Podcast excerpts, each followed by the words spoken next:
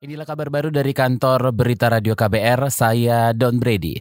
Saudara, hari ini Mahkamah Konstitusi atau MK menggelar sidang pleno dengan agenda pengucapan putusan atau ketetapan sengketa pemilu legislatif 2019.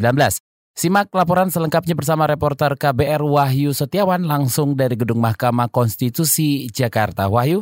Baik, hari ini Mahkamah Konstitusi atau MK menggelar sidang pleno dengan agenda pengucapan putusan atau ketetapan sengketa pemilu legislatif 2019.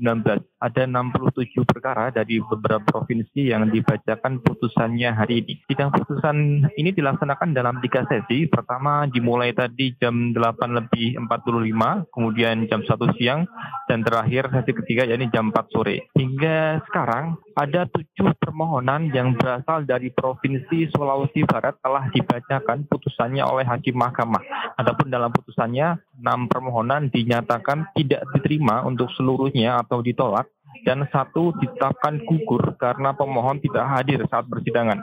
Permohonan yang ditolak yakni dari Partai Nasdem, Gerindra, PDIP, Golkar, Hanura, dan Garuda. Kemudian yang ditetapkan gugur yakni dari Partai Berkarya.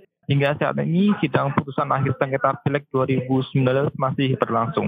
Sidang pembacaan putusan akhir akan dilaksanakan hingga Jumat 9 Agustus 2019.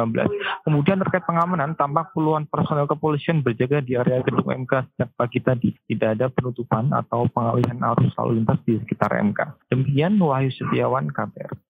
Yayasan Lembaga Konsumen Indonesia atau YLKI memperkirakan potensi kerugian usaha mikro, kecil, menengah atau UMKM akibat listrik mati mencapai triliunan rupiah. Koordinator pengaduan YLKI Sularsi mengatakan kerugian dihitung dari transaksi, produksi hingga berkurangnya konsumen yang datang. Ya kerugian realnya aja. Kerugian real pada saat itu. Kan jelas bahwa misalnya kami berdagang hari ini tidak bisa untuk melakukan. Karena misalnya sumbernya dia adalah dari listrik hmm. yang tidak bisa dilakukan. Sehingga kan kerugian ada real. Kan ini bisa dilakukan. Transaksi. Dari transaksi berapa potensi kalau sehari hmm. dia melakukan satu transaksi. Misalnya kan sekarang itu kan akan sangat mudah sekali. Sehari berapa kali dia mendapatkan pelanggan melalui transaksi online tadi. Kan itu yang bisa real diakumulasikan. Koordinator pengaduan YLKI Sularsi mencatat listrik mati juga mengakibatkan kerugian besar untuk konsumen rumahan, industri, dan juga UMKM. Selain kerugian material, YLKI menilai listrik mati juga mengganggu pelayanan publik. Dengan adanya insiden ini, YLKI bersama Aliansi Peduli Kemanusiaan pada hari ini akan membuka posko pengaduan kerugian konsumen. Saudara ulama karismatik Kiai Haji Maimun Zubair atau Mbah Mun wafat ketika sedang menunaikan ibadah haji di Mekah, Arab Saudi. Mbah Mun mengembuskan nafas terakhir di Rumah Sakit An-Nur Mekah, Arab Saudi sekitar pukul 4.17 lebih 17 menit waktu Mekah atau 8 lebih 17 menit pagi waktu Indonesia Barat. Amirul Hajj atau pemimpin rombongan haji asal Indonesia Menteri Agama Lukman Hakim Syaifuddin juga membenarkan kabar meninggalnya Mbah Mun. Bamun menjadi salah satu jemaah haji Indonesia yang menjadi undangan kerajaan Saudi setiap tahunnya. Bamun merupakan pimpinan pondok pesantren Al-Anwar Sarang Rembang dan juga mustasyar pengurus besar Nadatul Ulama atau NU dan ia juga menjabat sebagai ketua majelis syariah di DPP P3.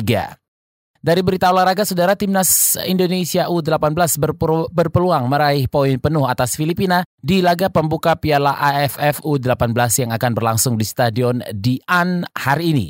Partai pertama yang setiap turnamen dianggap penting untuk setiap tim karena dapat memberikan kepercayaan diri di laga berikutnya. Apalagi dari lima penampilan terakhir di Piala AFF, timnas Indonesia U18 meraih tiga kemenangan di pertandingan pertama dengan dua laga lainnya berakhir kekalahan. Di turnamen Piala AFF U18 2019 ini timnas Indonesia tergabung di grup A bersama Myanmar, Laos, Timur Leste, Filipina, dan Brunei Darussalam. Demikian kabar baru dari kantor Berita Radio KBR. Saya Don Brady.